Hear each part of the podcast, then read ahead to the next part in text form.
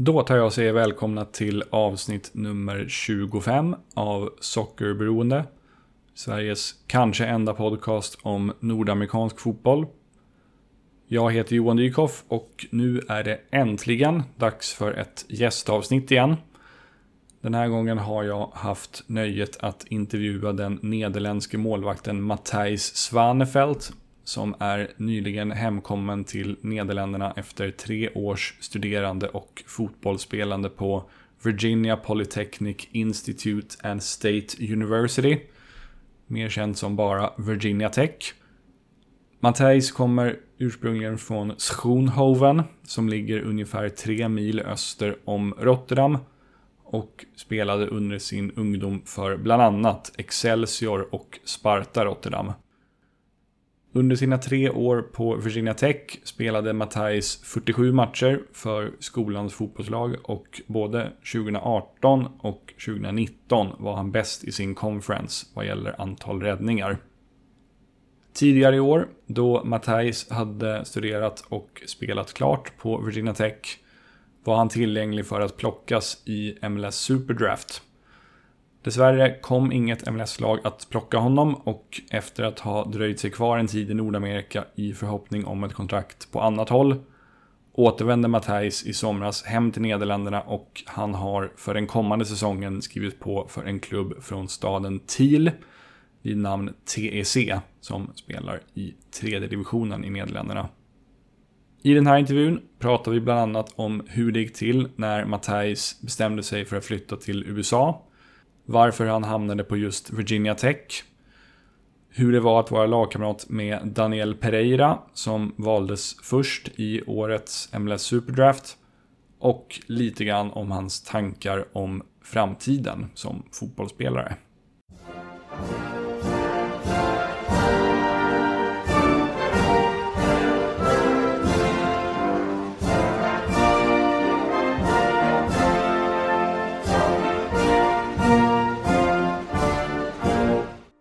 So to start off, you were born in uh, Schoonhoven, is that correct?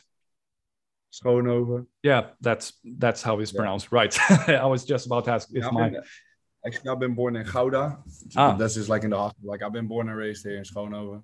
So oh, so you were born in Gouda but raised in Schoonhoven. Okay.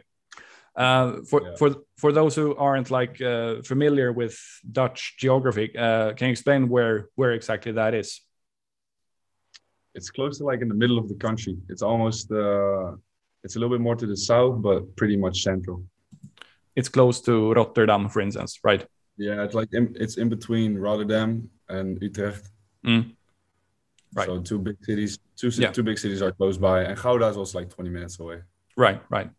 And uh, so you grew you grew up in uh, Schoonhoven. Um, Yes. And uh, so, can you talk a bit about your childhood there and what role sports and football in particular played in your life as a kid? Yeah, sure. I uh I always grew up here playing soccer from when I was like around five, six years old.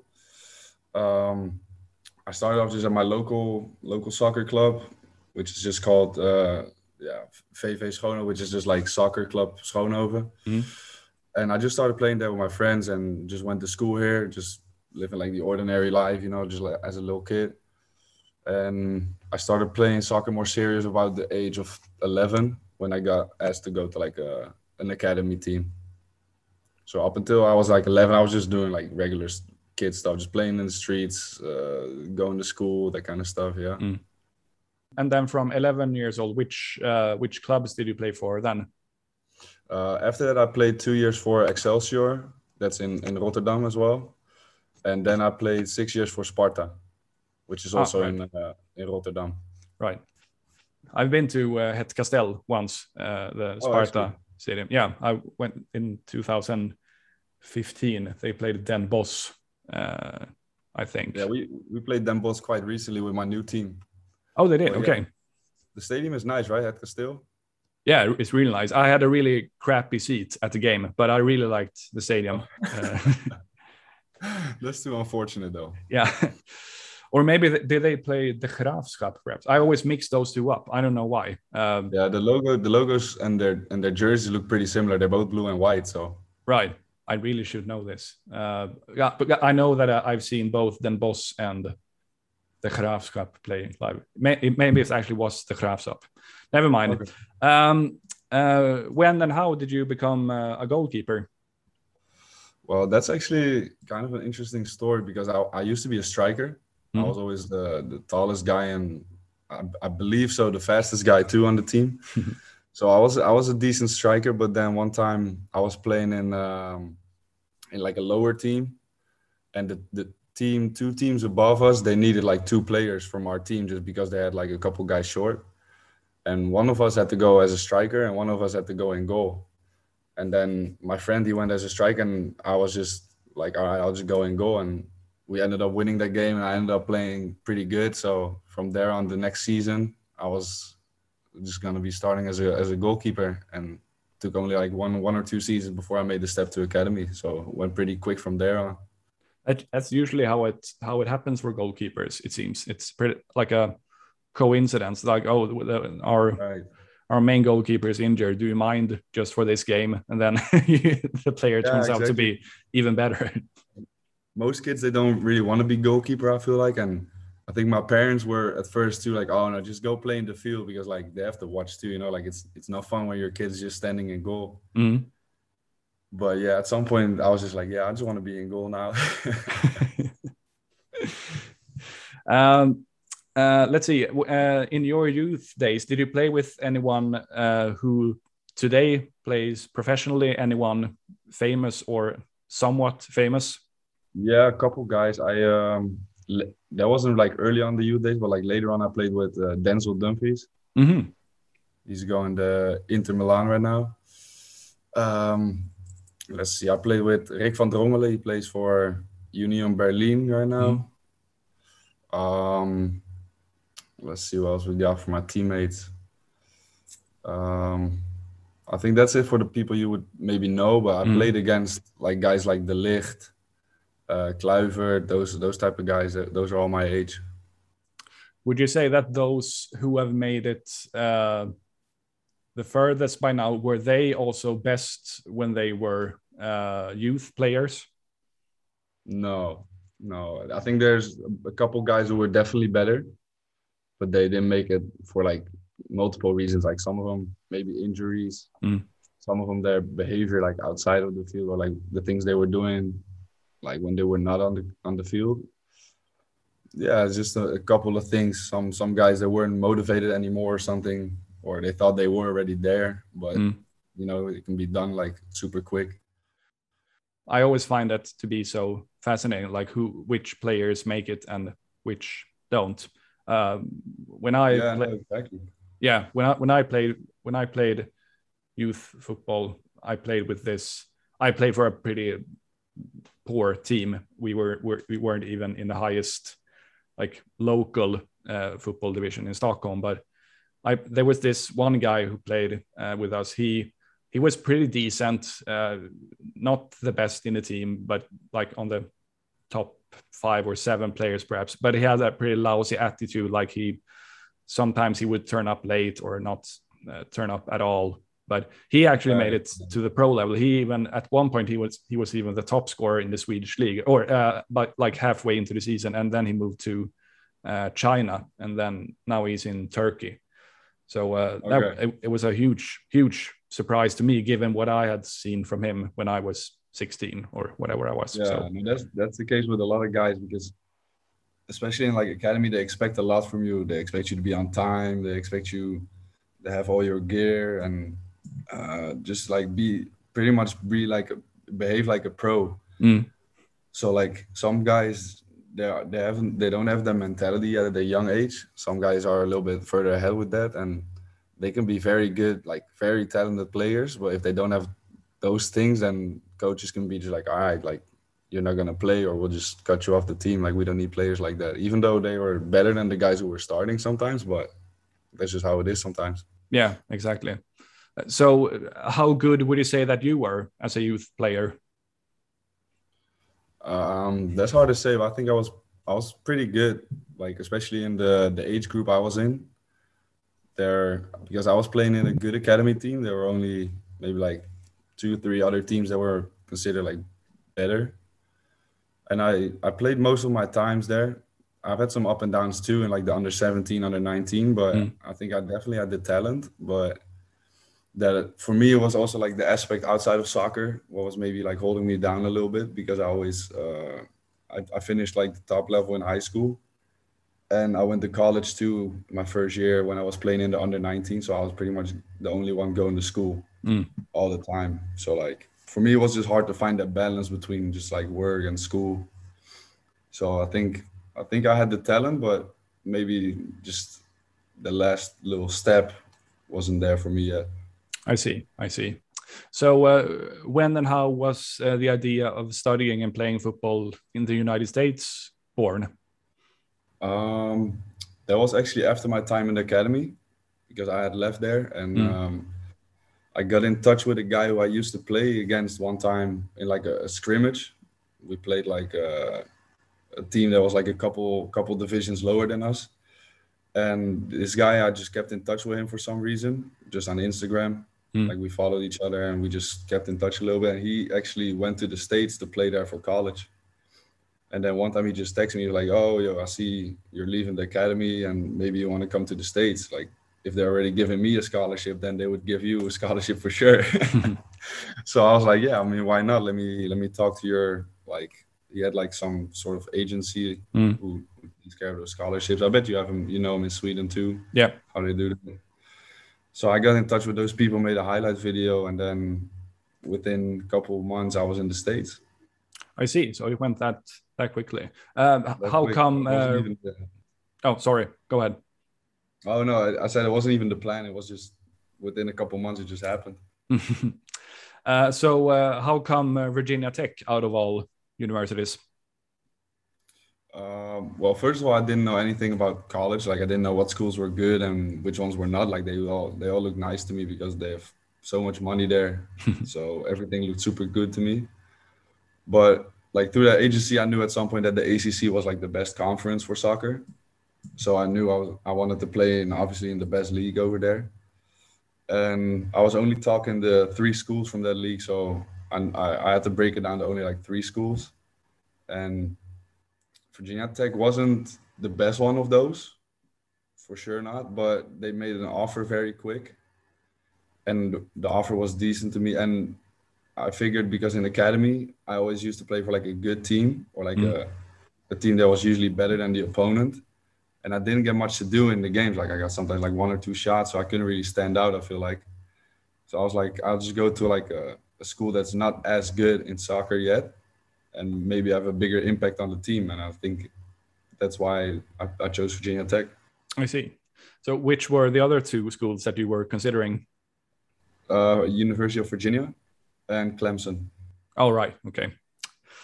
Um, so you came to Virginia Tech in early 2018. Is that correct? No. January 2018. 2018. Uh, can you talk a little bit about what it was like uh, arriving there and how you coped with the the transition of moving from the Netherlands to the United States? Yeah, it was in the beginning. It wasn't that hard. I thought it was gonna be more of like a, shock. Obviously, the language was was a little bit of a boundary, but I, I studied here too already in English, so like I knew I had a good base. But still, like if you just have to talk English all the time, it's it's quite a step. But no, it was fine. I came there in a house. Uh, at first, I was by myself, and uh, school hasn't hadn't started yet, so nobody was really there in town yet. But one of my teammates he transferred in too, so we were just together in a house. We were just chilling for a week because we had to come there a week early. And no, we were just uh, catching up with a couple other guys from the team who, st- who st- slowly started to come in, and then started exploring the campus a little bit and the town because I obviously had no idea where I was going Mhm. because I never visited before. So it was just yeah, it was fun. It was just exploring, just something new, like a new adventure. And I wasn't really feeling like the urge to call home the whole time or text or I was just I don't know, I was just ready for something new and it was just fun. I see. When I, I'm looking at a map now of where Virginia Tech is located, it seems to be like I wouldn't say in the middle of nowhere, but it it's, it doesn't seem to be Uh, like it, it kind of is. it is. it's in the mountains too. So like the campus was at like I think in meters it was like 600 meters or Uh-huh. something. So it was not like the the environment was super nice and the campus was big. Like the town itself wasn't too big, but like you couldn't really walk anywhere or something. So like Mm. the first couple of days, I just went with the bus sometimes somewhere and just walked around with my friend. And yeah, campus was was pretty. Everything a- actually I was was pretty. Cool. I have to ask you. I know that there was a horrible school massacre in at Virginia Tech like 15 years ago or something. Is that something that's Yeah. still like apparent at the school to this day? Like, are there like I don't know memorials or whatever? Yeah, every day on the on the day of the shooting, they have like this memorial uh, at the at the drill field is what they call it. It's like the the the big field in the middle of the campus. So they always have like some some little ceremony there. It's not that all, the whole school comes there, but just like this, a group of people and like people post stuff on their Instagram and stuff. But like they'll still they'll still remember it. And that was also actually the first thing I that came up when I googled Virginia Tech because they were the first school to email me and I was googling all right Virginia Tech, and the first thing I see is Virginia Tech mass shootings. I was Oh, like, right. shit. But yeah, no, it, I saw that it was just like a while ago, and I mean, obviously those things, especially in the US, those those things tend to happen. But like, I mean, it happens pretty often there. So like, otherwise you can't choose any school. So Yeah, right. And yeah, you can unfortunately you, you can never know which one is next, so to speak. And, un- un- Yeah, and also fortunately you, you you you know that there'll be a next one, which, is a Yeah. horrible thing to say, but that's the way it is. Um, yeah, so how uh, like how would you say that being a college player in the United States is different compared to being a youth player in the Netherlands? Um, I think the the access to the facilities we had were were even greater than being an academy player here in the Netherlands. Even though, as an academy player, everything was taken care of, but like in the states, they take it to the next level. Like the Mm. facilities are like top notch. I think only in the Netherlands, maybe Ajax, they have facilities like that. But we were just like a college team, and almost all college teams have facilities like that. So that was what I what I thought what I thought was very interesting because uh, with for instance with Sparta we had like uh, the youth academy were like separate for, from the first team and the under 19 and they would practice in the stadium which was kind of nice but now we had with our team we just had like two practice fields for ourselves and a game field so yeah we got like a lot of gear. Uh, we got shoes gloves everything. Uh, food on the way. We always slept in hotels. We even flew to games. Like it's just the overall package is just so much more i feel like. Mm. just just as in the facility. I think the soccer aspect with like the coaching and stuff is obviously different because you have different types of coaches. But i think everything around soccer has been taken so much more care of. Also the combination with school Do you know if that's also the case uh, in let's say in let's say uh, Division Two or Division Three in NCAA? um yeah i think so because the guy who i knew i think he played d2 for a while as well Mm. and even there it's, it's all been it's all pretty good because they all have like a, certain budget for their for their academics so like obviously they they might get a little bit less gear or they get not to travel as nice as we do or something or like their gym might be slightly smaller or something but i think overall and like i wouldn't i don't i'm not too sure about d3 but definitely d2 they have like very good schools too like very nice facilities and everything to just be a student athlete Right. And it's also worth mentioning that there are, I wouldn't say a lot, but at, at least some players who move on from D2 level to the professional level, like uh, MLS, for instance. Um, Chris Wondolowski, the all time goal, best goal scorer in MLS, I think he only played D2 soccer in college, for instance. Like, so, yeah, I, I, I wouldn't even know, but like might be. Yeah, Yeah. some guys going from the, lo- the lower teams getting up there. definitely. Um, if I'm not mistaken, you played 47 games over three years at Virginia Tech. Uh, what would you say were some of your like highlights during your time there in a soccer sense? That is. Um, I would say like my first season was definitely a great one because the coaches because the year before us a lot of seniors graduated and that was a pretty decent team like a pretty good team like they went pretty far in the tournament i think at least once they made the elite eight and then the other one they went to like the second round Mm. and I think they graduated like nine seniors before we all came in, and they thought of our year as being a rebuilding year. But we even made it to the tournament and got like a first round seed. So we or like we got a we got a bid in the tournament, so we didn't even have to play the first round, and then we came to the Sweet 16. So I think that overall season was just like very yeah very great because they, they the expectations were very low and we exceeded like all the expectations. So I think that season was was like definitely one of my highlights. And I think just certain games like you see places where you never really get to get to see. Like we flew to California for a week to play two games in LA and Santa Barbara. We flew to San Francisco to play Stanford, and mm. obviously Stanford is very prestigious school. So it just to be around there and just I don't know, it's it's it's things you see in a movie, and then you're suddenly you're just there playing soccer, just like it's not. Like, I mean, not like it's nothing, but just like it's a normal thing.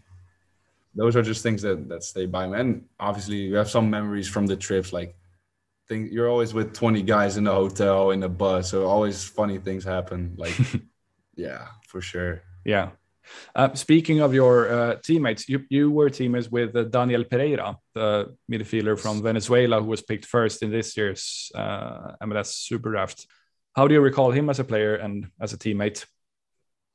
He's a he's a great player, very good. Like I think, especially the last year, like almost our whole play was built around him. Like when he wasn't playing, like you definitely know we we didn't really know where to play the ball or whatever. But mm.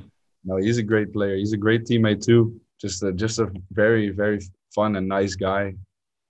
Uh, but like his whole family is nice. Like his parents are super nice too. So like usually when when he's ra- he's raised properly, you know, like he's just a guy who I have a lot of respect for, and like he, we treat each other like that. I still talk to him every now and then. Like he's doing well now in Austin. I get to see. I don't see that many games with him, but sometimes I watch like the summaries because it's like late at night. But yeah, no, he's definitely uh, he's definitely gonna have a bright future for sure. Yeah. Uh, what you were sort of touching touching on it, but uh, what sort of player was he at Virginia Tech? Like what position and what role did he play for you? He was a midfielder, and he was kind of like the playmaker. He would like drop in closer to the defenders to get the ball, and just turn and like dribble past one or two guys, and then play on from there. Like he would decide kind of like the pace of the game and just like control the midfield. That's that was kind of his job together with like another midfielder of us who was more like a defender and he was just like very very technical, very quick and he could turn super fast. Like it was like very nice. It was sometimes just like fun watching. Like I would just stand in the game, I would see him do things. I'm like, oh my god, how did he see that or how did he do that? Like it's insane to watch sometimes. I think he was. It was considered to be somewhat of a surprise that he was picked first. I think he was he was considered to be like a top five prospect, but uh, yeah. there were at least one player who was ex expected to go uh, ahead of him. But he's. I, I, agree. He's done. He's done really good so far for Austin for for being a rookie. I think he's played most of their games so far. So yeah, I think he had he had to deal with a, a minor knee injury, mm -hmm. but I think every game that he was healthy, he's been starting. So like that's that's great. Yeah, definitely. Not a, not a lot of rookies do that. Like even the other guys who went like top five, they all play in the USL. Mm-hmm. I think he's almost the only one from that draft class, like the whole draft, who's like at least with the first team and like playing.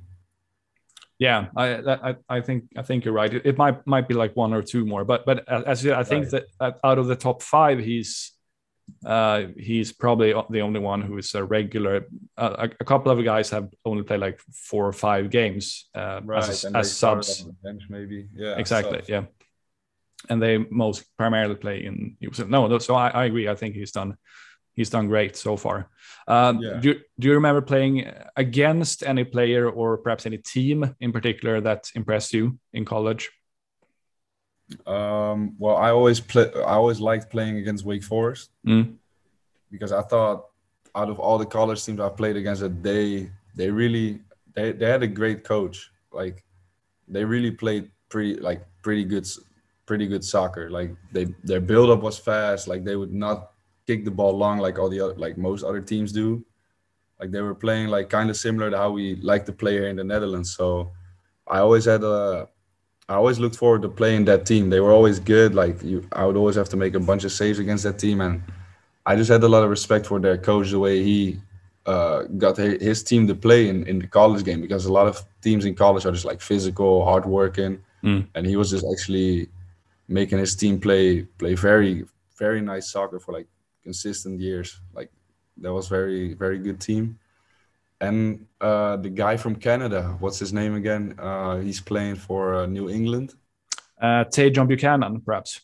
Yeah, like he, I played against him a couple times for Syracuse, and I don't think against us he st- stood out that much. Like I didn't, I didn't notice him that much, but the the progress he's been making, like he got drafted to Generation Adidas. I'm, I, I'm not sure, but now he's he's scoring goals. He's playing for their national team, but yeah, he's that's a, that's a, definitely a noticeable one. And Daryl Dike, obviously.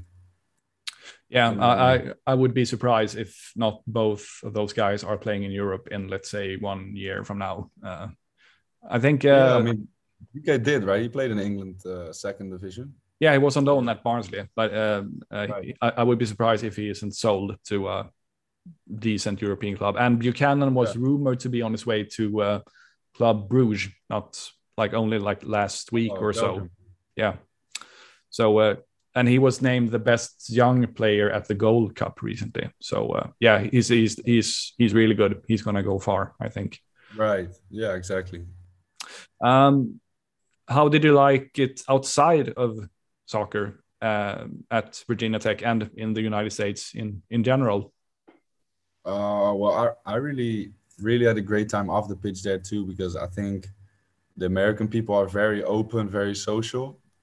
Like they're very welcoming. Like they knew I was new there, or like as soon as I start talking English, they hear an accent, they'll be like, "Oh, where are you from?" And they're very interested. And I don't know, like a lot of teammates, their parents, they just take you in. Like if you have to fly there or you want to stay a weekend, stay a week, like you can always just call them and be like, "Yo, can I stay at your place?" They'll be like, "Yeah, for sure." And yeah, the the campus life was fun too because you're living in a town with like maybe thirty five thousand people, Mm. and there's like thirty thousand students, so it's just like a totally different world because like there's like triple the amount of people there living than in my hometown, and it's all students, so it's just it's just a complete opposite world kind of, and yeah, obviously in college you party a lot too, so you get to socialize, like make a ton of friends, ton of connections. So no, I definitely had a great time on the pitch, but especially off the pitch for sure. Yeah. If anyone listening to this is uh, thinking about studying and playing soccer in the United States, uh, what advice would you like to give to him or her, judging from your own experiences? I mean, I would definitely do it, depending on how your financial situation is, because it's it's pretty expensive. So if you can get like a good scholarship, then I would definitely do it. Like it will be worth it for sure. Mm. Like the acad- academics are are depending on the school you go to and depending on the major you're doing, academics are are pretty good. And obviously, like if you're depending on what your goal is with soccer too, I would definitely do it. If you're trying to make it to the pros as a foreigner, like I experienced that to be very hard. But if you just want to go there, get your degree, and just play soccer at a at a good level and just have a great time, for sure, I would definitely do it. Mhm. But is there anything that can be um, sort of, how should I put it, like um, difficult in a way that you perhaps didn't expect? Or did you experience anything that was, um, what sort of hurdles did you did you come across during your three years there? Um, Anything that's a that question. anything I, that comes to mind? Yeah, no, I had the thing I had was um, in my last year or so, I got in, uh, I got some in, in some trouble with my coaches, but that could just be because of our coaches. Like I've never heard like similar stories about like other teams, you know.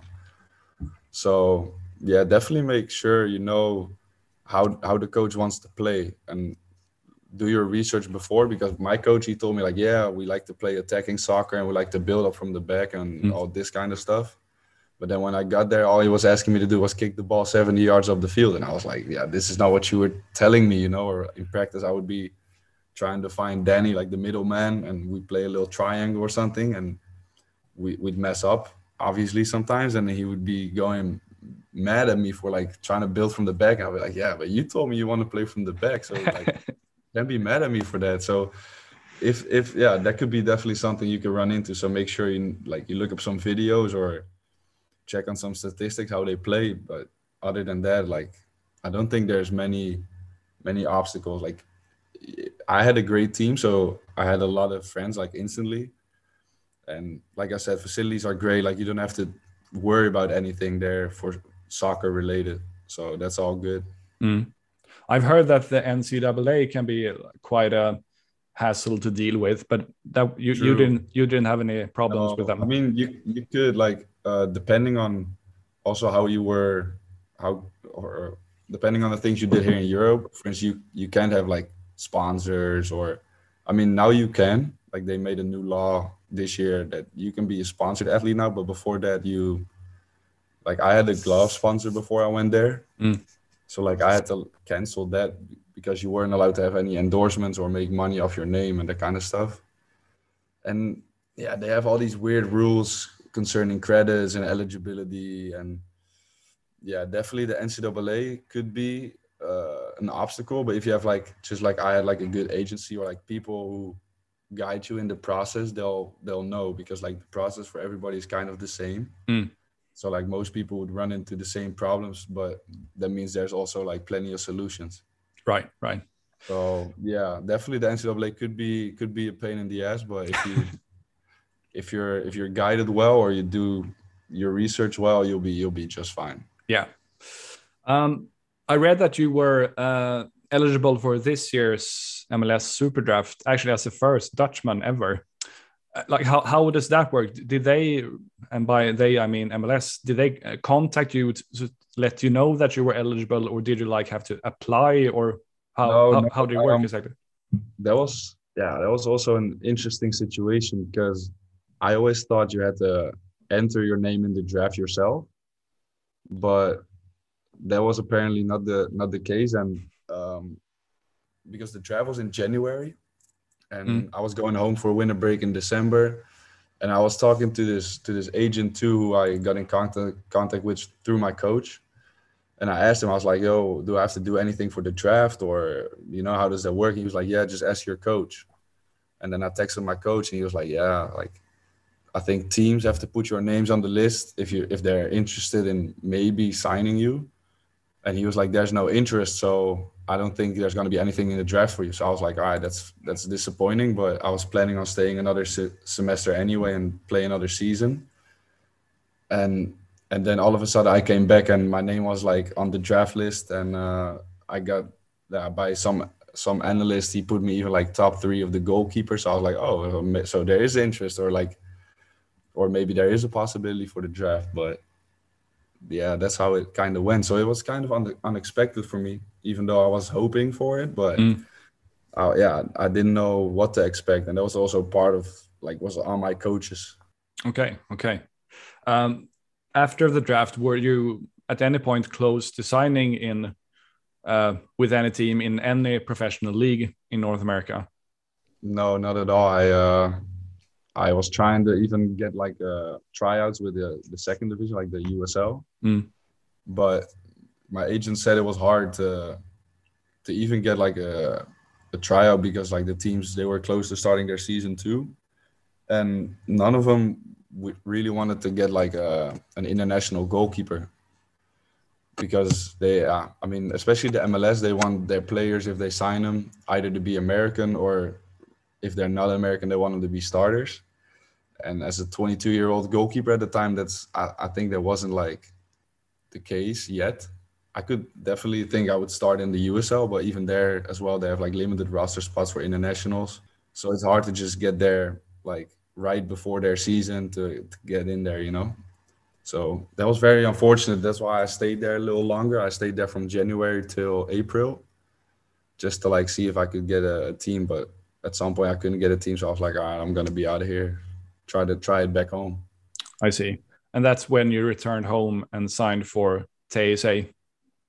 Yeah, it's called Tech as well. Tech, okay. Almost like almost like Virginia Tech, and yeah. they got they got orange jerseys as well, so it kind of felt like coming home again. But no, it's uh, I I trained with their uh, with that team because also over winter break, like to prepare for the draft or like to be healthy for the new season, I trained with them as well with the mm. with their head coach.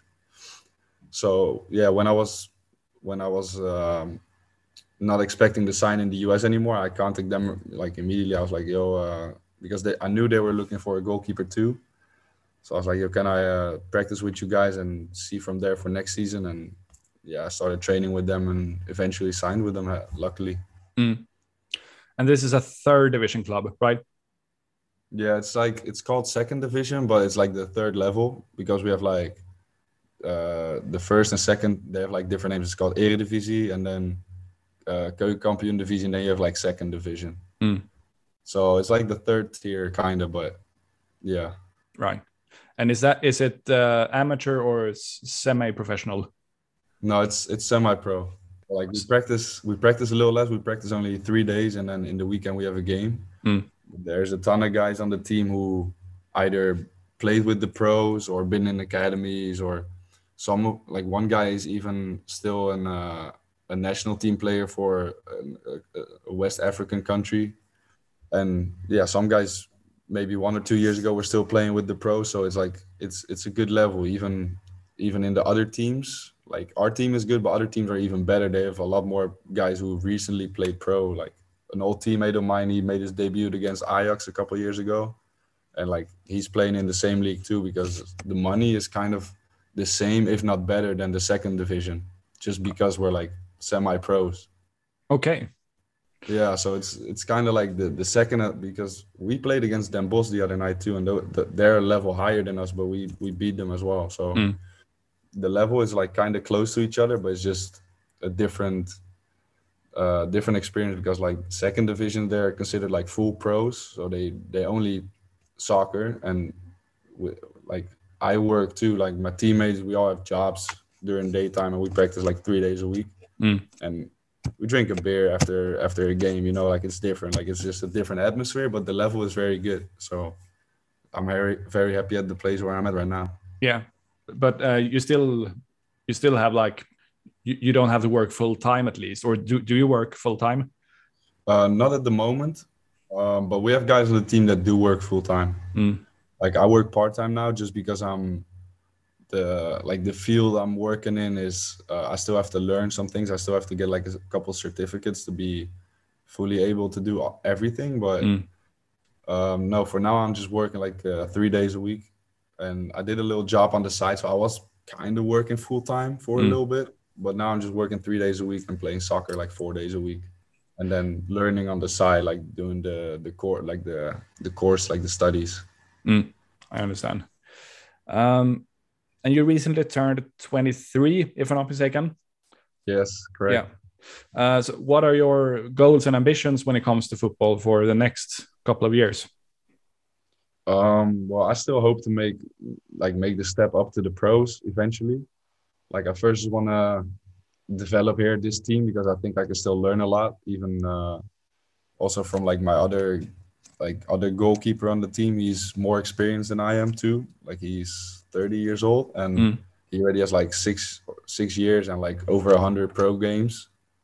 So like I think I can definitely still develop here for like one maybe two years, and then I, I hope that I can still make the step up because especially goalkeepers, you know, they they can go until they're very like very old kind of so. And they also usually make that step later. Like if you're looking around like there's not a lot of like 21 22 year old goalkeepers playing in any first division. Like they're usually like older guys like 28 plus you know so. Mm. i think i have like the i think i still have the talent and like the body type to to be a, a professional goalkeeper. So I just have to be playing a lot of games at like decent level and just keep developing and like uh, gain experience, gain gain game experience. So like I th- that those are my ambitions still. But on the other hand, I'm I'm having my degree. I got a I got a good job now, and uh, yeah, I got on both both ends. I got like uh, yeah like good opportunities. So I don't want to waste the one for the other. So yeah, I'm just gonna try and train hard, do extra work on the side, and then hope hope we'll we'll see what happens. Right. If you go for as long as I don't know, for instance, Buffon or Van der Sar, you you have another 20 years ahead of you. So right. So we got plenty of time. Like, And the thing with the soccer world is like it sometimes just hap- has to happen like once. You just have to sign one contract and you're kind of like in the mix. And then you you could build you could work your way up, you know. So it's just gotta be patient and just gotta keep doing what I'm doing and hope hope for for an opportunity. Maybe here, maybe somewhere abroad, maybe back in the states sometime. Who knows? By the way, did did your um, uh, your fellow goalkeeper at your current club did he also play in the US? Because I, I recognize his name. He did. Yeah, he uh, he played for University of Charleston, and I think he he told me too that he he went to the combine as well, and maybe to the draft too. So I'm not sure if I'm the first goalkeeper to be in the draft or at least maybe now in like the selection show. But this guy he went to the the combine too. Yeah, that you're probably right because uh, it's it, Kees Heemskerk, right? Yeah. yeah. yeah. The American said Keys Hemskirk, but I definitely I I definitely yeah, they have a hard time pronouncing our names. My yeah. name too. Like at some point, they just called me Mata. Like always, like my name was just Mata. I would introduce myself as Mata because when I said like, "Oh, my name is Matthijs," they'd be like, "Uh, what? Matthijs? Matthijs?" I was like, "No, it's Mata. That's fine." it's it's been the same way for me because in in Swedish my name is pronounced Johan, but the Amer- okay. when, whenever I introduce myself to English speaking people, I go by Johan because otherwise they won't Johan, yeah. they, they, won't grasp the pronunciation. Right, um, right, yeah. No, they, they, have a hard time with that. um, would you be interested in playing professionally in North America if the opportunity arises in the future? Yeah, that, yeah, definitely. Because I think uh, America is such a great uh, country to be uh, an athlete in. Like even when you look at the MLS or like even the USL, like they got good, they got nice stadiums too. They got a good crowd. Uh, they got good facilities. Like I think in the MLS, like their smallest stadium is like, or like every team has like a stadium with like twenty thousand people or something. Like here in the Netherlands, maybe the top five, top ten, they have like nice stadiums, but below that they all have like small stadiums. You know, mm. like not a lot of people. And yeah, I mean, depending on where you are, like the climate could be very comfortable instead of all the rain out here. And like I said, I know a lot of people there too, so it'd be great to just be there, uh, catch up with some friends every now and then, and just I don't know. I kind of like the lifestyle living in the U.S. too. Like it's just a little bit different out here. It's like hard to explain, but it's just a little bit different lifestyle, which I, I thought was was very nice. Mm. Uh, you mentioned before that you that you watch um, like highlights of um, MLS games, but uh, like, can you talk a little bit more about to what extent you follow football in North America today? I mean, I'll uh, I'll keep up with it a little bit on my socials. You know, on Instagram, I, I still follow like MLS and certain teams and just catch up with like some videos on there. And usually through YouTube, I'll just every week I'll just check like uh, just the highlights from like the MLS and the USL, and because I know a couple guys playing the MLS, I know a couple in the USL, so I definitely check out those teams and mm. sometimes try to compare like the quality to like the level where I'm at now and just me personally and just trying to more like sometimes evaluate instead of just like watching it just for fun but like really just like look at it like eh, from like a different different perspective. I see.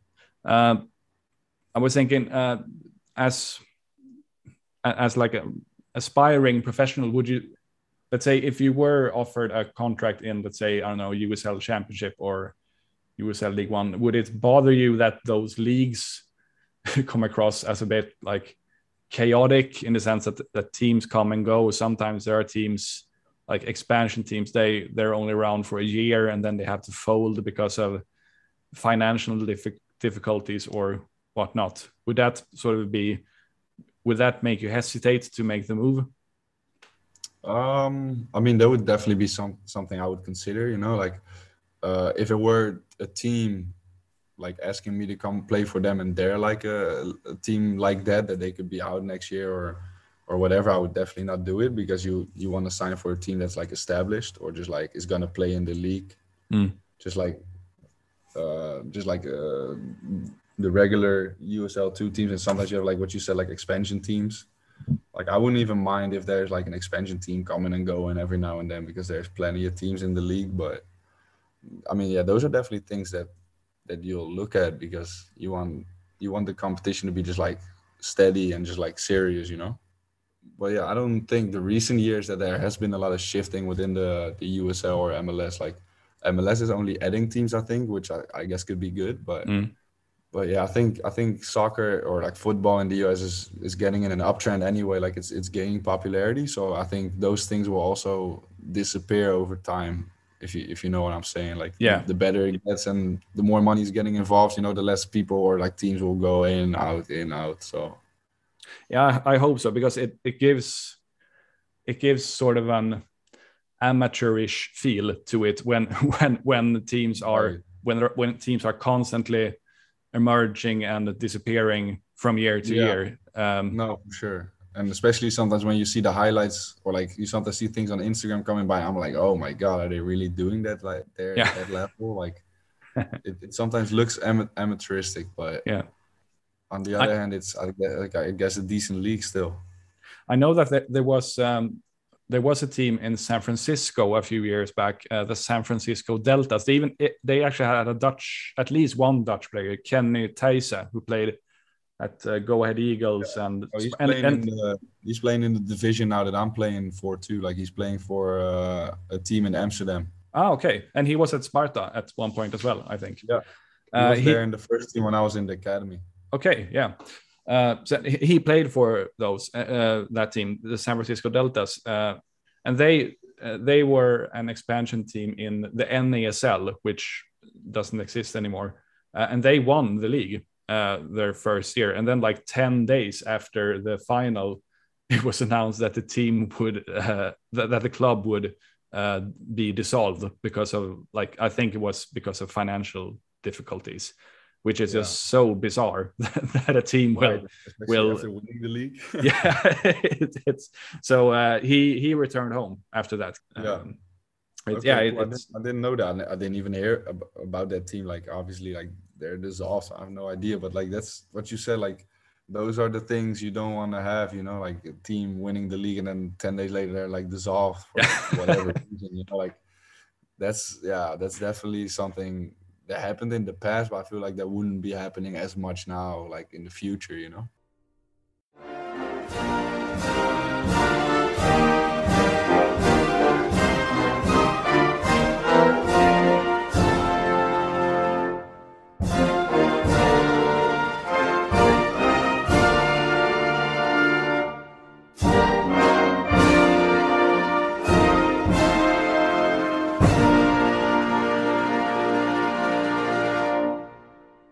Sådär ja, då tar vi och tackar Matthijs Svanefelt för att han tog sig tid att ställa upp på den här intervjun. Och vi önskar honom all lycka framöver i sin fotbollskarriär förstås. Eh, nu kommande säsong alltså i den nederländska tredje divisionen, men med förhoppning om att han i framtiden kommer spela högre upp än så. Kul med ett gästavsnitt igen, måste jag säga. Det kommer komma fler sådana, men det kommer även komma eh, sådana avsnitt där det är bara jag som gör någon slags genomgång av något MLS-relaterat också. Så håll utkik i feeden så dyker det upp avsnitt av alla dess lag, höll jag på att säga, eller av olika slag åtminstone. Ha det så bra så länge. Tack för att ni har lyssnat. Tja tja.